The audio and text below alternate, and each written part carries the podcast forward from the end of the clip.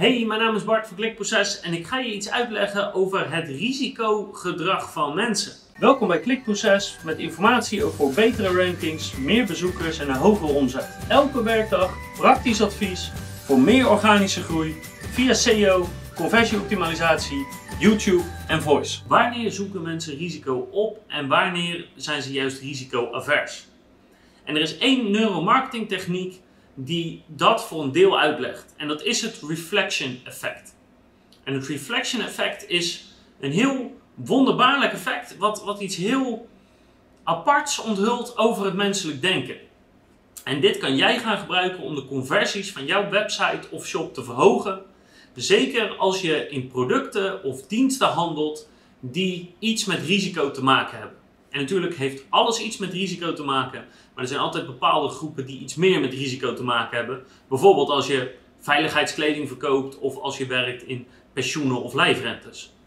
Dus als je een prachtige psychologische techniek wil leren om jouw bezoekers te beïnvloeden, om eerder jouw product of dienst te kopen of een offerte aan te vragen, dan is dit helemaal perfect van jou. En na het kijken van deze video kan je dit meteen gaan toepassen in jouw website of shop. Dus wat is het reflection effect? Wat is de betekenis? Wat is de definitie? Wat is de uitleg?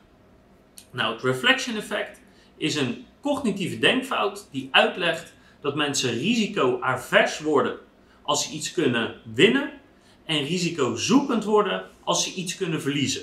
Heel simpel gezegd, als we iets erbij kunnen krijgen, als we iets kunnen winnen, dan denken we nou, op zich wil ik dat wel, maar ik wil vooral houden wat ik heb. Dus ze zijn maar heel weinig bereid om daar een risico te nemen, uh, relatief gezien. Maar als ze iets kunnen verliezen, dan treedt er een soort ja, primitieve angst op om iets te verliezen. En zijn ze veel meer bereid om veel risicovolle gedrag te vertonen om maar niets te verliezen. Dus iets verliezen is, nou, zoals we al weten, zwaarder dan iets erbij krijgen. Dus dit is heel nauw gerelateerd met de algemene verliesaversie. En je kan het ongeveer zo zien dat een euro verliezen ongeveer 2 tot 3 keer zo pijnlijk voelt, pijnlijk is, als een euro winnen. Dus in feite vindt iemand 2 tot 3 euro winnen of een euro verliezen hetzelfde. In ons hoofd, in onze gedachten, is dat ongeveer hetzelfde. En dit heeft dus te maken met die verliesaversie of die loss aversion. Alleen het reflection effect gaat dus specifiek over wanneer zoeken we risicozoekend of risicoavers gedrag. Dus een mooi voorbeeld van het reflection effect is door zeg maar, de, de onderzoekers of de uitvinders of degene die constateerden dat dit effect bestaat. En dat werkt namelijk als volgt. Hoe je iets framed, dus hoe je een bepaalde vraag stelt of bepaalde keuzes voorlegt, bepaalt heel erg of we dus risico gaan zoeken of risico's avers zijn. En ze legden de volgende twee stellingen voor aan twee verschillende groepen mensen. Nederland bereidt zich voor op de komst van een specifieke ziekte waarvan men verwacht dat er 600 mensen doodgaan. Er zijn twee programma's om deze ziekte te bestrijden. Bij programma A worden er 200 mensen gered. Bij programma B is er 33% kans dat er 600 mensen gered worden, iedereen dus, en er is 66% kans dat er niemand gered wordt. Bedenk nu even voor jezelf, welke keuze zou jij maken? Zou je gaan van, voor programma A, waar 200 mensen in gered worden, of programma B, waarbij 33% kans is dat 600 mensen gered worden, of 66% kans dat er niemand gered wordt? Nou, in dit geval is het geframed als winnen, hè, redden, het redden van mensen. Dus 72% van de mensen kiest voor optie A. Ik heb liever een bepaalde vaste zekerheid. Dus dat we 200 mensen, redden ten opzichte van de kans dat we iedereen verliezen. En omdat het geframed is als winnen, word je dus risico-avers. Dus zeg je, ik neem wel die 200 mensen waarvan ik zeker ben. Terwijl statistisch gezien is het natuurlijk precies hetzelfde. Uh, 33% kans om 600 te winnen of een zekerheid van 200 mensen. Statistisch gezien komt het ongeveer op hetzelfde neer. Nou, en wat deden ze met die tweede groep? Die kreeg precies hetzelfde verhaal, alleen de framing, de inzet was net iets anders. Daarin zei ze namelijk het volgende. De stelling is weer hetzelfde. Er komt een ziekte toe naar Nederland waarvan we verwachten dat er 600 mensen doodgaan. Er zijn twee programma's om dit te bestrijden. Bij programma A, bij programma 1, gaan er 400 mensen dood. Bij programma B of programma 2 is er 33% kans dat er niemand doodgaat en 66% kans dat er 600 mensen doodgaan. Zie je wat een andere manier van framen dit is? Nu heb je het niet over 200 mensen die gered worden, maar 400 mensen die doodgaan. Je hebt het niet over eh, eh, de kans dat 600 mensen gered worden. Nee, je hebt het over de kans dat er 600 mensen doodgaan. Dus het is geframed als verlies. En wat gebeurt er? Je raadt het al. Nu gaat 78% voor optie B. Dus de gok nemen. De gok dat dus iedereen gered wordt. De keuzes zijn precies hetzelfde, de statistieken zijn hetzelfde, alleen de verwoording is anders. Of in winnen of in verlies. En je ziet dat je op die manier dus gewoon letterlijk de keuze van iemand kan sturen. En dan heb ik nog een ander mooi voorbeeld. En dan kan je weer voor jezelf even meedoen. En dan kan je zien hoe grappig dit effect eigenlijk is, maar dus ook hoe krachtig het is. Je krijgt 95% kans om 1000 euro te winnen. Of 100% kans om 950 euro te winnen. Ja, dan zeggen toch de meeste mensen: doe mij die 100% zeker maar, doe mij die 950 euro maar. Hè? Prima, gratis geld. En dan nu de volgende stap. Je hebt 95% kans om 1000 euro te verliezen. Of 100% kans om 950 euro te verliezen. En dan pak je nu die 95% kans. Hè? Want dan denk je, ja, hè, wat kan mij die 50 euro nou weer schelen? Maar dan heb ik toch een kleine kans om niks te verliezen. En dan zie je precies hetzelfde. Met eerste kan je winnen, ga je voor de zekerheid van 950 euro. Met de tweede kan je verliezen. En dan ga je voor het risicozoekend gedrag om toch een kleine kans te hebben om niks te verliezen.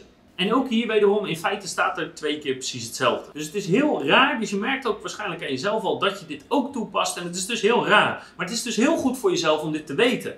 Als je dus zo'n soort kansberekening krijgt, die geframed is in winnen of verliezen, is het dus heel belangrijk voor jezelf dat je het statement altijd omdraait. Dus is het statement in winnen geformuleerd, moet je daar altijd een verliezen versie van maken. En dan kan je zien hoe je op die twee verschillende statements reageert. Maar ik ga het effect nog vreemder voor je maken. Want er is hier namelijk nog een soort uitzondering op.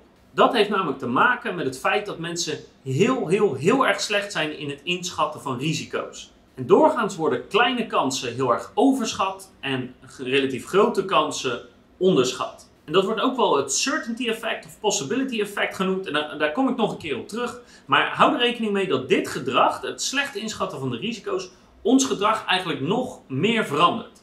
En eigenlijk kom je dan terecht op deze vier kwadranten. Dat is eigenlijk hoe je, waar je jouw product of dienst in moet gaan plaatsen om te bepalen, als ik zo'n bepaalde keuze wil laten maken, hoe moet ik het dan framen? Waar val ik eigenlijk in? Dus als je een hoge zekerheid hebt om iets te winnen, dan word je risico-avers. Als je een lage zekerheid hebt om iets te winnen, dan word je risicozoekend. Als je een hoge zekerheid hebt om iets te winnen, dan word je risico-avers. Want in feite word je bang voor een groot verlies, omdat de kans zo groot is dat je het wel wint. Als het een lage zekerheid is om iets te winnen, dan word je risicozoekend. En dan hoop je toch dat het kleine beetje kans je misschien op een enorme winst brengt. Als je een hoge zekerheid hebt om iets te verliezen, dan word je risicozoekend. Want je bent bang voor dat gigantische verlies. Dus elke kleine kans om dat verlies te vermijden, die grijp je eigenlijk aan. En als je een lage zekerheid hebt om iets te verliezen, dan ben je risicovermijdend. Want dan denk je, ik neem het verlies wel, het is maar een klein verlies en anders is de kans groter dat ik nog meer verlies. En dan zie je dat het menselijk gedrag qua het, het zoeken of vermijden van risico's echt fascinerend is. Echt prachtig is. En hou er rekening mee, jij bent er niet immuun voor, ik ben er niet immuun voor, niemand is er immuun voor. Dit is nou eenmaal wat het is. Oké, dus dat is duidelijk. Maar hoe pas je dit nu toe op je website of shop om jouw conversies te verhogen? Dus dat ga ik je nu uitleggen.